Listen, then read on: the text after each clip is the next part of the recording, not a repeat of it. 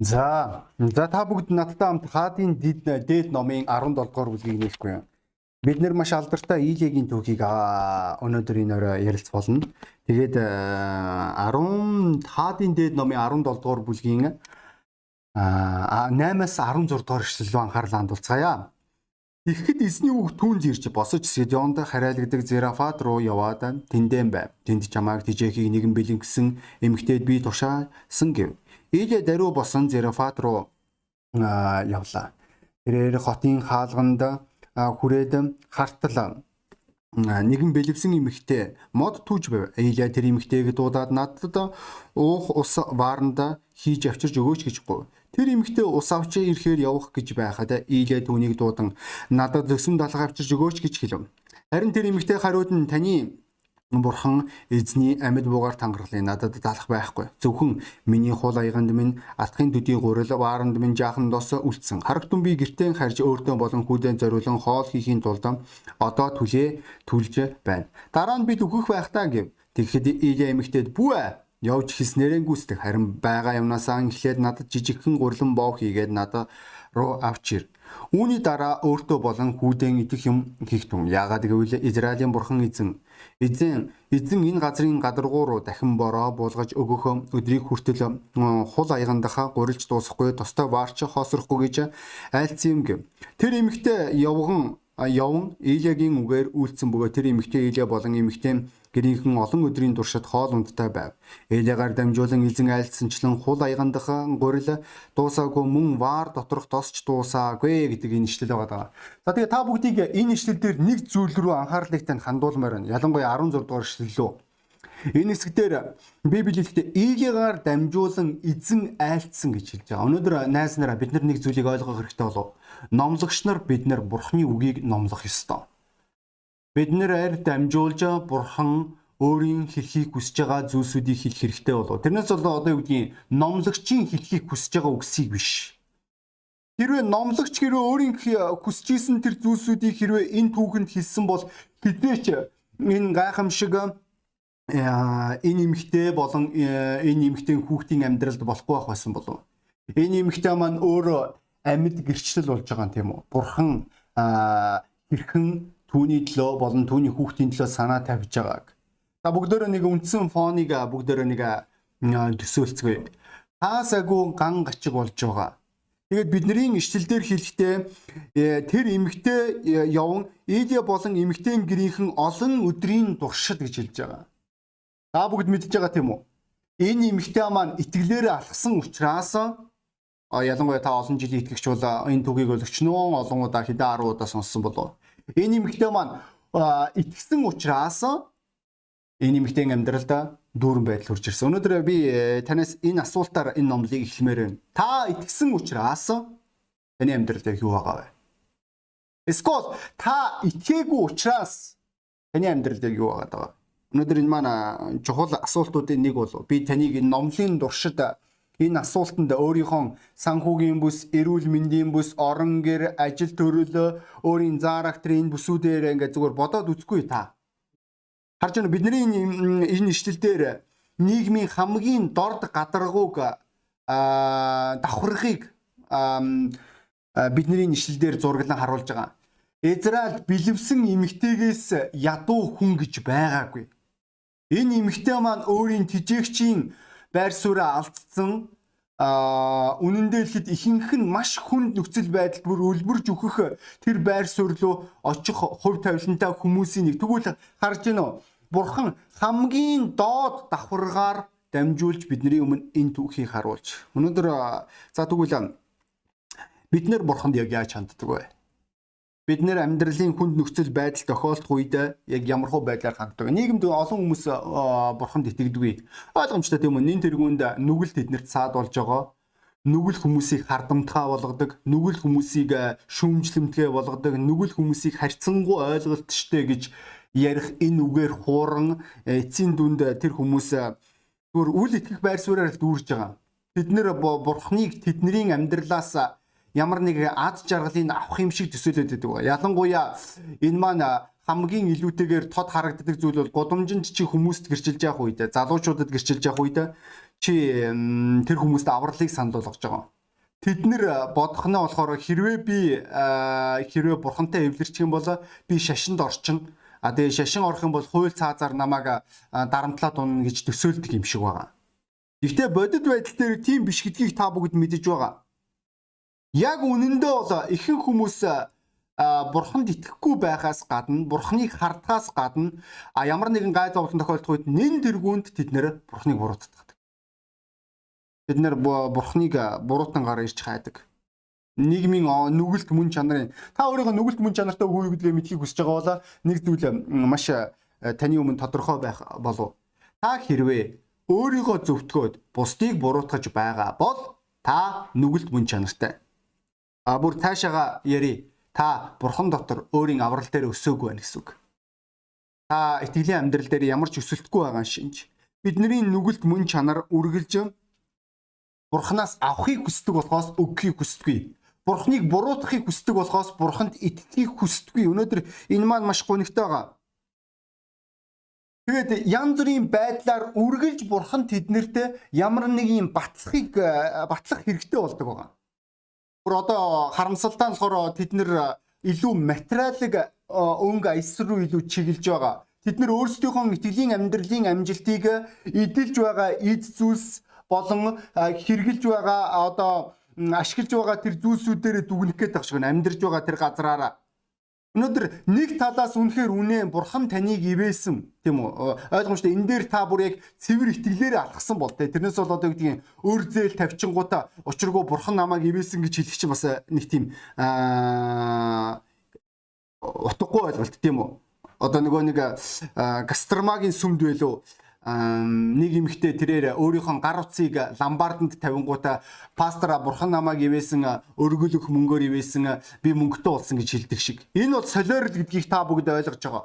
Харин та итгэлээрээ алхаад та итгэлээрээ амьдраад таны амьдралд санхүүгийн бололцоо эд зүйлсийн өрөөл таны амьдралд хурж ирж байгаа бол та маргаангүй тийм үү энэ маань нэг талын химжээс болно нөгөө талын яг үнэндээ хэлэхэд итгэгч хүмүүс бидний хувьд хамгийн том хэмжээс бол итгэлийн өсөлт.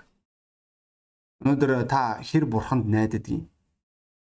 Таны амьдралд тохиолдож байгаа янз бүрийн нөхцөл байдлууд байгаа. Энэ нөхцөл байдлуудад та яагаад бурхан ийм юм болвоо би итгэсэн штэ би ингэсэн штэ би тэгсэн штэ тэгсэн чинь бурхан намайг ингээд дэш бурхан намайг тэгээд дэш гэдэг гомдол хорслын шүүмжлийн буруутгалын өнгө аясаар эсвэл бүр нэг тийм гонсоосон хямарсан өнгө аясаар та өөрийн амьдралаа шийддэггүй эсвэл та зүрх сэтгэлтэй цэвэр талархах зүрх сэтгэлтэй та хүнд үедээ хүртэл магтаалыг өргөх чадвартай хിവэрэ байж чаддаггүй.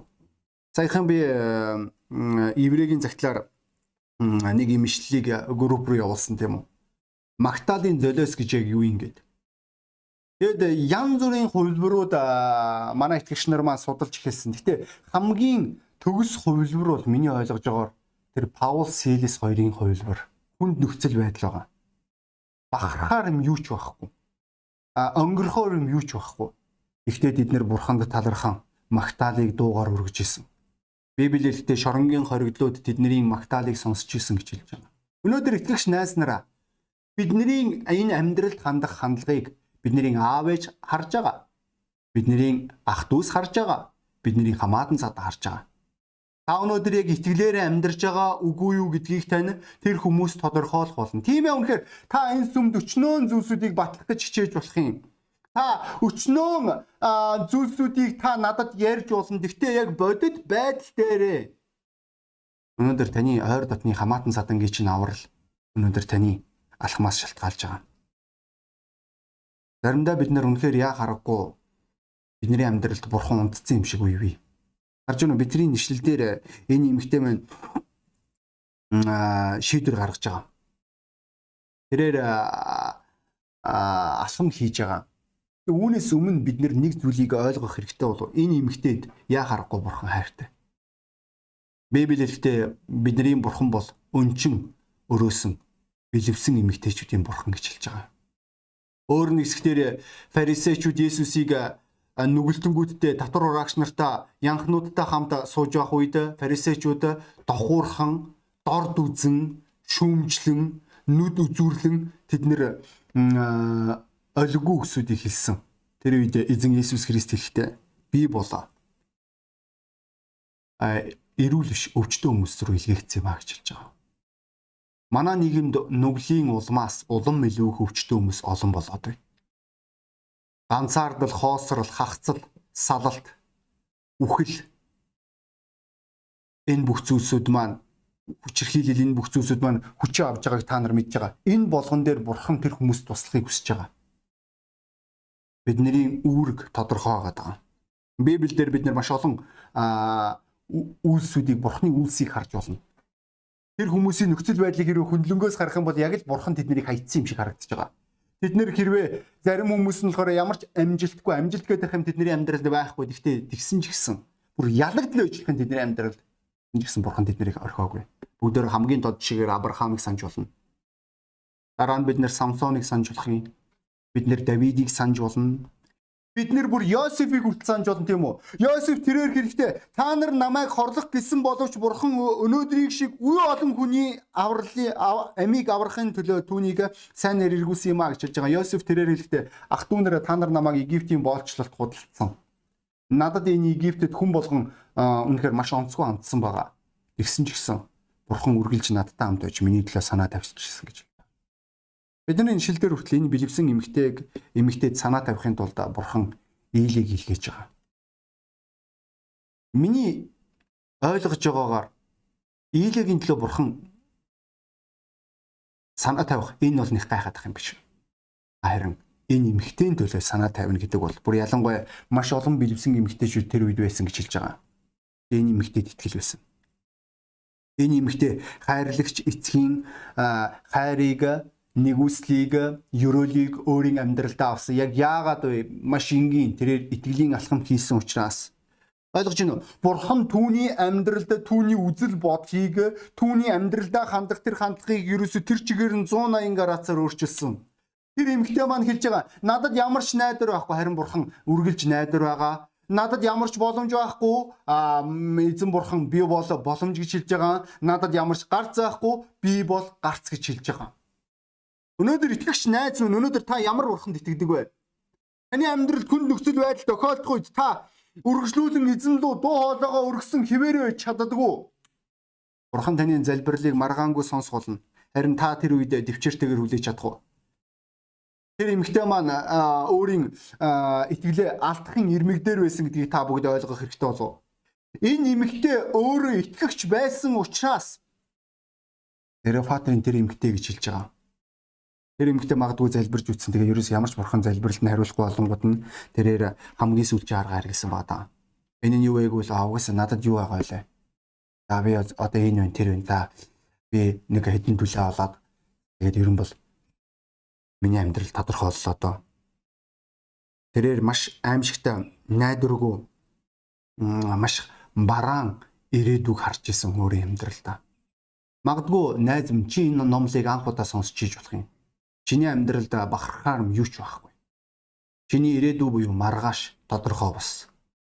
Чи ирээдүйд бүр итгэхгүй байгаа. Чи өөрөө өөртөө итгэхгүй байгаа чи хүмүүст итгэхгүй байгаа. Тэгвэл өнөөдөр би чамд хэлмээр байна Бурхан чамайг түүнд итгэж үзээсэй гэж хүсэж байгаа. Чи Бурханаас бусад бүх аргуудыг хэрэгжилж үтсэн. Одоо тэгвэл чин сэтгэлээсээ түн лөө дуу хоолойгоо өргөд үз. Би итгэж байна. Миний Бурхан танд туслах болно. Мөн миний Бурхан таны Бурхан болохыг хүсэж байгаа.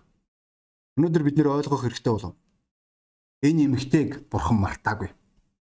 Энэ эмэгтэй маань өөрийн амьдралаа үгүй их гэж устгах гэж мөн өөрийнхөө энэ нөхцөл байдлыг шийдэхийг хүсэж исэн бол ер нь та бүгдийн хідэн өөрийн аргаараа амьдралын нөхцөл байдал үүсгүйд шийдэх гэж оролдоод та өөрийн итгэлээ өсгсөн бай.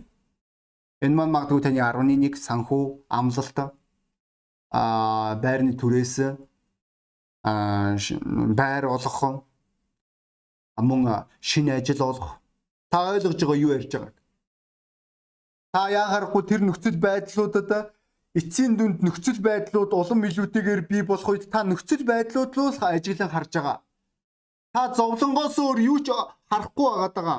Та асуудлаас өөр юу ч харахгүй байгаа. Ялангуяа ийм хүмүүст чи үйлчлэх хэрэг гардаг пасторын хувьд. Тэр хүмүүс маань өөрийн итгэлээ алдсан, өөрийн найдвараа алдсан. Саяхан хүртэл бид нэр саяхан гэх юм байхгүй. Өчигдөр бид нэр номтой өглөөн дээр ярилцчихлаа. Нэгэн цагт бид нэр 500 мянган цалин бидний хувьд маш онцгой цалин мэт санагдаж байх үед та бүгд мэдж байгаа. Би сая 500-ийн цалинтай болох болно хичээлсэн. Энэ нь олон итгэгч нарын хувьд үлгэр мэт сонсогддог байлаа. Мөн та бүгд хэрвээ санаж байгаа бол нэгэн цагт бид нэр охин сүмнэх ямар ч боломж бололцоо байгаагүй. Ямар ч найдвар байгаагүй. Бүр альж талаасаа гэр бүлүүд рүү ч ажиглаж харсан, ганц үчүүд рүү ч ажиглаж харсан биднэрт ямар ч боломж найдвар байгаагүй. Тэгээ тэр үед та санаж байгаа. Бид нэр охин сүмнэх болно бид нэрний биш нилээд охин сүмтэй болох болно гэж хэлж ирсэн. Ойлгож байна уу? Бидний амьдралд ийм хүмүүс хэрэг болдог. Бид нарыг гонсооцсон, бид нарыг гутарсан байх тэр үед бид нэр өөрсдийн ирээдүгөө бүр үгүй их гэж явах үед ойлгож байна. Энэ эмэгтэй өөрийн одоо хүүхдээ үгүй их гэж байгаа. Үр хүүхэд гэдэг бол ирээдүй. Тэгвэл одоо энэ эмэгтэй хэлж байгаа. Надад ирээдүй байхгүй. Надад боломж байхгүй. Надад ямар ч найдвар байхгүй. Миний итгэл надад туслахгүй байна Бурхан намайг мартсан. Бурхан намайг орхисон хайсан. Одоо надад үүнээс өөр сонголт байхгүй. Хэрвээ орчин үеийн загварлуу хэрвээ чи чиглүүлж хэрвээ энэ бүх зүйлийг харсан бол энэ нэмэгтэй нилээн хигжүү өнгө аясаар хорслын гашуурсан тэр өнгө аясаар энэ үгсийг хэлэх байсан болов эцсийн дүнд би үхэн хөө юу яриад байгаа Өнөөдөр энэ л байр суурь маань өнөөдөр олон итгэгч нарыг итгэлийн амьдралдаа ялагдал амсгад улам өөрийн амьдралаа хүндрүүлэхэд тусалдаг. Бид нэр асуудлыг шийдээд байгаа юм биш ерөөсөө. Бид нэр асуудлыг улам л хүндрүүлээд байгаа. Бид нэр өөрсдийн энэ шийдвэр, энэ сонголтоороо тэд нэр улам илүүтэйгээр бурхнаас холдож байгаа. Бурхан тэдний амьдралд туслах тэр бүх боломж бололцоог тэд нэр даслан хайж байгаа Бид нэр үргэлжлүүлэн цаашаага тэр плэйгэн аваад өөрийн амандаа бухтнаад юу ярьж би өөрийгөө яй гэж яхад тэртээ тэргүй хаасаагүй үлсгэлэн болж яхад энэ хүн одоо юу вэ? Пастор юугээ солиороод байгаа юм болоо? Юу яриад байгаа юм? Юу итгэх? Би хинд итгэх юм? Надад ямар боломж байгаа? Би хизээ юм? Би хизээ илгээгдэх юм? Би хизээ өөрийн гэсэн орон гэртээ болох юм? Би хизээ сайн ажилтаа болох юм. Би хизээ өөрчлөгдөх юм. Надад юмхээр инээдтэй санагдчихэв. Та нэгтээ тийм ашуурсан буланд урваагаад ярваагаа сууж байгаа тийм үү гидсэн өвдөд байгаа юм шиг итгэж нарыг та нэгтээ буланд та сууж байгааг нь харж болно. Энэ итгэгч нар маань аль хэдийн гараа буулгасан. Энэ итгэгч нар маань аль хэдийн амьдралдаа ялагдлыг хүлээн зөвшөөрсөн тэднэрт ялалтын талаар ярьсан ч гэсэн энэ хүмүүс маань итгэхгүй. Бид нэр хэлэх болно. Бодит байдлыг хараа л та. Пастор та миний нөхцөл байдлыг ойлгохгүй. Пастор та миний амьдралаар амьдарч үтсэн биш. Хэрвээ миний амьдралаар амьдарч үтсэн бол миний нөхцөл байдалд орсон бол та над чиг аавтай эсвэл та над чиг ээжтэй байсан бол та над чиг ядуу байсан бол та над чиг хүнд нөхцөл байдлыг туулсан бол өө би үнэхээр таны үгийг сонсгосон. Та над чиг хавцал амссан болоо. Энэ үедэр магадгүй нөгөө нь намссан байж болно шүү дээ. Энэ танд одоо хамаахгүй. Одоо танд ганцхан зүйл байгаа. Энэ маань юу вэ гэвэл үхэл. Та найз минь одоо яг итгэлийн амьдралдаа үхэж байгаа. Та бурхнаас нилээн холдсон. Та зүгээр өөрийнхөө тэр нөхцөл байдлуудыг шийдэхийг хүсэж байгаа. Ингэснээрээ та өөрийн үр хүүхэд өөрийн ирээдүйдээ нөлөөлөх гээд байна. Тэгвэл бурхны хүсэл яг ямар вэ? Ийлэгийг яах гэж тэр эмэгтэй дээр ойртон очиж байгаа вэ? Тэр эмэгтэй хэлдэг шиг та миний нүглийг сануулах гэж уу гэж хэлдэг тэр үгсийг хэлэх гэж үү? Сануулах гэж үү? Үгүй ээ, тийм биш. Ямар ч пастор, пастор хүн гэдэг бол хончин хүн. Пастор хүн өөрийн итгэгч нарынхаа муу үсгийг хүсдэг. Тийм үнэхээр заримдаа үнэхээр хондуудаа хяргах хэрэг гардаг. Носын. Ихгүй бол тэд нэр зундаа дисгүй. Заримдаа үнэхээр мис хачилбар хийх хэрэг гардаг байгаа.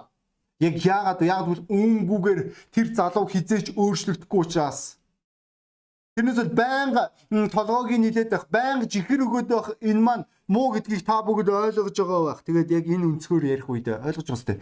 Энэ залуугийн энэ ийлэгийн хэл энэ эмгтэр рүү хэлж байгаа үгс маш хүнд үгс байгаа. Яагад үл тэр эмгтээ өөрт нь юу байгааг маш сайн ойлгож исэн. Та мөн маш сайн ойлгож байгаа. Өнөөдөр итгэгч найз минь би чамд энэ л зүйлийг хэлмээр байна. Бидний ишлэл болоо. Найдар ийг тээсэн ишлэл. Ийлээ хэлж байгаа эмэгтэй санаа зовх хэрэггүй. Бурхан бүгдийн төлөө санаа тавьсан. Харин чи зүгээр итэг. Тийм үнэхээр амьдрал эсрэг ойлгож байна. Нэгтээ бурхан амлсан. Тэр амлалтаасаа хизээч ухрахгүй. Тийм учраас чи зүгээр л итгэлээрээ алах. Чамд найдвар байгаа. Чи гэрлэх болно. Чи санхүүгээр өрөөгдөх болно. Чи сайн ажилдаа болох болно. Чиний зарактер өөрчлөгдөнө Чи илгээгдэх болно. Чи өсөх болно. Найз нь ойлго. Чи зүгээр л итгэх хэрэгтэй. Яг бол бурхан чамд энэ амлалтыг өгж байгаа учраас түн лүү харцаа чиглэвэл ойлгож байгаа сте. Энэ дуудлагыг үргэлж паст итгэгч нэрлүү чиглэн хэлсээр ирсэн. Ойлгож байна энэ эмэгтэй хувь тавилан бурхны хүнээр шийдэгдэж байгаа. Нэгэн цагт Моисе хүртэл Израилийн ард түмэн рүү хандаад би та бүгдэд ерөөл ба хараад амба өхлийг санд болгож чинь та нар өөрсдөө сонг гэж хэлсэн. Ойлгож байна уу? Энэ сонголт үргэлж бидний амьдралд байдаг. Энэ сонголтыг бас мөн ийлэн нэгэн цагт Израилийн ард түмэнд рүү хандаад та нар хэдий болтол энэ хазганж хоёр зүйлийн дунд тэнэгэлзэж амьдрах бай. Шийдэцгээ гэж хэлсэн байгаа. Энэ л үгсийг Йошуа Израилийн ард түмэнд хэн дүүлчилгээ та нар өөрсдөө шийдэцгээ Энэ үгсийг бид нэр үргэлж номлолоос сонсдог. Чигээс номлол ерөөсөө тэр чигээр нь бид нарыг нэг араам руу, нэг хэлбэр рүү чиглүүлдэг гэж хэлж болох юм. Энэ маань Бурхныг хайрлах мөн хайрлахгүй байх. Алархах, алархахгүй байх.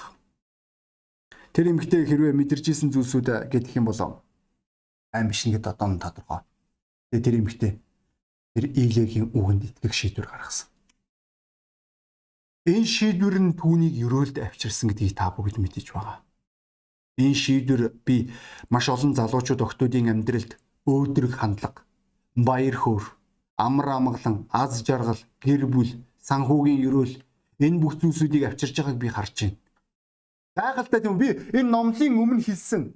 Бурхан Илиягаар дамжуулж хийж байгаа. Тэрээс Илияда байгаад байгаа юм биш Бурхан үргэлж өөрийн зүрх сэтгэлийн дагуух тэр хүмүүсийг ашиглахыг хүсдэг. Тэгээд тэр хүмүүст итгэх итгэл тань өнөөдөр таны хувь тавилан шийд болно. Үргэлж ийм байсаар ирсэн. Та өнөөдөр өөрийн ахан дүүстэй хандах хандлагаас таны хувь тавилан шалтгаалх болно. Библи юу гэж хэлж байгаа вэ? Хоёр дахь хууль маань өөрийн хөршөө өөрсгөө хайрл. Яг энэ хайрлах чадвараас таны энэ амьдралын үнц нь тодорхойлогдох болно. Ерөөл тодорхойлогдох болно. Бурхны амлалт нэг бол таны амьдралд үйлчлэнэ нэг бол таны амьдралд үйлчлэхгүй. Библи хэлэхдээ тиймээс та нар одоо ч үйлдэж байгаа шиг нэг нэг нэгэ тайтгаруулж нэг нэг нэгэ барьж байгуулах тун гэж хэлж байгаа. Мөн өөр нэг хэсгээр ах トゥ нараа та нарын дотроос нь бузар итгэлгүй зүрхтэй байж амьд бурхнаас салах үе гэдгээс болгоомжлогтун. Харин өнөөдөр гэгдэж байгаа бол би бие өдөр бүр зоригжуулагтун. Эс бөгөөс та нараас хэн нэгэн чинь нүглийн мэхлэлээр хатуурах вэ? Учир нь хэрэг бид бат итгэлийнхээ эхлэлийг эцэс хүртэл бат сахиул Христийн хуваалцагчд болсон байна гэж хэлж байгаа харж гинөө. Бидний бие биендээ хандах сайн хандлага зоригжуулалт тийм үү эзэн удахгүй хүрч ирэх болно. Найз минь, залуу минь, охин минь дэс чамааг энэ дуудлага руу чиглүүлж байгаа. Чи итгээд үз, оролдоод үз, алхам хийгээд үз, маргааш хайгаад үз Бурханд 100% өөрийгөө найдаад үз. Яг бол бурхан амлалтандаа хүрэх болно. Энэ эмэгтэй маань энэ зүйлийг хийсэн. Үүний ачаар тэрээр өөрийн амьдралдаа ерөөлийг авч байгаа. Энэ зүйлийг 11 дагалдагч хийсэн гэдгийг мэдэж байгаа. Үүгээр тэд нэр өөрсдийн амьдралдаа хувь тавилангаа олж авсан. Энэ зүйлийг Моисе Йошуагаас харж болно. Бид нэр Иле Илешагаас харж болно. Бид нэр Паул болон Тимотеос харж болно. Үргэлж бидний хувь тавилан Бурхны хүмүүстэй холбоотой байдаг. Тийм үнэхээр бидний нүгэлт мөн чанарыг үжилдэг л би хинээрч заалгуулахгүй. Би хинээрч өдөрдүүлэхгүй. Би эрх чөлөөгүй баймаар үгүй тэрэндээ биштэй найсаа. Энэ эмгтэн эрх чөлөөг ийлээ боогоогүй штэ.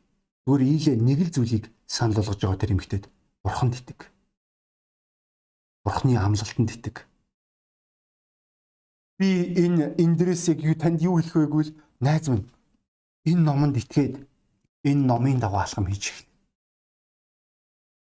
Өнөөдөр энэ ном чамайг ерөөлд авчрах болно. Энэ ном чиний амьдралд ивэлийг авчрах болно. Библи хэлэхдээ харин би та нарт үн та нарт үннээр хэлье. Элигийн өдрүүдэд 3 жил 6 сарын турш тэнгэр хаагдах хаагдан бүх газар их өсөглөн болох үед Израильд бэлэвсэн эмэгтэйчүүд олон байсан. Гэсэн хэдий ч Илэ тэдний хинрүүнч илгээгдэлгүй. Харин зөвхөн Сидон нутгийн Зерафат хэмээх нэгэн бэлэвсэн эмэгтэй рүү илгээгдэжээ. Мөн иш үзүүлэгч Илешагийн үед Уйман өвчтөө байсан олон хүн олон хүнээс нэгэн ч цэвэршээгүй атал зөвхөн Сирийн нааман гэгч цэвэршсэ гэж байна. За бүгд энэ хоёр хүний хоёрын бүгдээр бодцгоё. Энэ хоёр хүмүүсийн хувь тавилан Бурхны хүмүүсээс шалтгаалсан. Өнөөдөр энэ маань үнэн хിവэрээр байсаар байгаа найснаа. Бидний Есүст хандах хандлагаас бидний элчнэрд итгэх итгэлээс бидний ахан дүүстэй итгэх итгэлээс бидний пасторудад итгэх итгэлээс бидний хувь тавилан шалтгаалх болно. Энэ маань холбоос гэдгийг та бүгд ойлгож байгаа. Тэгээ би хүн болгон толгоо удаалгаад нүдэ ханасаа гэж хүсэж байна. Би хүн болгон толгоо удаалгаад нүдэ хандсан байгаа үед итгэгч найз минь би таныг шийдвэр гаргаасаа гэж хүсэж байна. Энэ шийдвэр нь танд хэрэгтэй гэдгийг та маш сайн ойлгож байгаа. Бид нэр заримдаа өөрсдийн итгэлийн амьдралаараа Бурханаас дэндүү холддог. Магадгүй энэ маань таны амьдрал дах гашуурал онсоолт, хямрал байж болох юм. Гэхдээ эцсийн дүнд өнөөдөр та нэг зүйлийг маш сайн ойлгож авах ёстой болов. Бурхан танд хайртай. Бурхан таны төлөө санаа тавихыг хүсэж байгаа. Тэрээр маш санаа зовж байгаа. Тэрээр тань таны залбиралд хариулахыг хүсэж байгаа. Даанч харамсалтай нь бид нөхцөл байдлуудыг хараад бид нар тэнцвэргүй алхам хийдэг. Үүнээс болж бид нар уламжлал онсоодог. Тэгвэл итгэгч найз минь өөрөөр амьдрах боломжгүй. Өнөөдөр магадгүй та энэ номлыг анхудаа сонсч иж болох юм. Миний бурхан таныг өрөөхийг хүсэж байгаа. Та миний бурханыг таньж мэдэх хэрэгтэй болов. Тэр бурхан таны нүглийн төлөө өөрийн цорын ганц үгээр золиослсон. Та түүнийг мэдэхгүй байх тэр үед. Та одоо хүртэл нүгэлтэн байх үед бурхан аль хэдийн таны нүглийн төлөөсийг өөрийн цорын ганц үгээр төлсөн. Энэ төлөөсөнд итгэх итгэл энэ бурхны хайрыг өөрийн амьдралдаа хүлээн авах Бурханаас чин сэтгэлээсээ нүглийн төлөө уучлалтгүй эвлэрэх энэ энгийн залбирал таны амьдралыг 180 градусаар өөрчилж чадна. Бурхан таныг аврахыг хүсэж байгаа найз. Илүү их зүйлийг мэдхийг хүсэж байгаа бол та бид нартэй таар холбоо өрч өгөх юм. Мэ дуудлага өөрчлөмөр ахан дүүсээ бидний хувь тавилан бие биентэй минь холбоотой. Бүр тодорхойлох юм бол Бурхны хүмүүстэй. Үүнд зөвхөн пасторууд орохгүй шүү найснараа итгэгч ахын дүүс. Хил дээрээ итгэмжтэй, нэр хүндтэй ахын дүүс. Өнөөдөр энэ маань чухал болов. Бид нэр хэнийг сонсох уу гэдгээ сайн бодох хэрэгтэй. Бид нэр хэний үгсийг өөрсдийн зүрх сэтгэлийн самбардаа бичих үү гэдгээ маш сайн ойлгож авах хэрэгтэй болов. Яг гэвэл бидний амьдрал ноорг биш найснараа. Та бүгдийг итгэмжтэй ухаантай шийдвэр гаргана гэдэг итгэж байна. Тэгээд номлын төгсөл бүгдээр хамтаа залбирцгаая. Ингэрлэгс өнөөдрийн номлыг ивэс эцэг таньда талах шиг эцэг таны ивэл таны хар өргөлж биднэрт хамт тоглох. Энэ өдрийг хүсэн танд баярлалаа эцэг минь. Их 7 хоногийн ивэгээч эцэг Есүс Христийн цаар. Аамен. Наахан дүүсээ утгагүй зөөмөр холбогцгоё.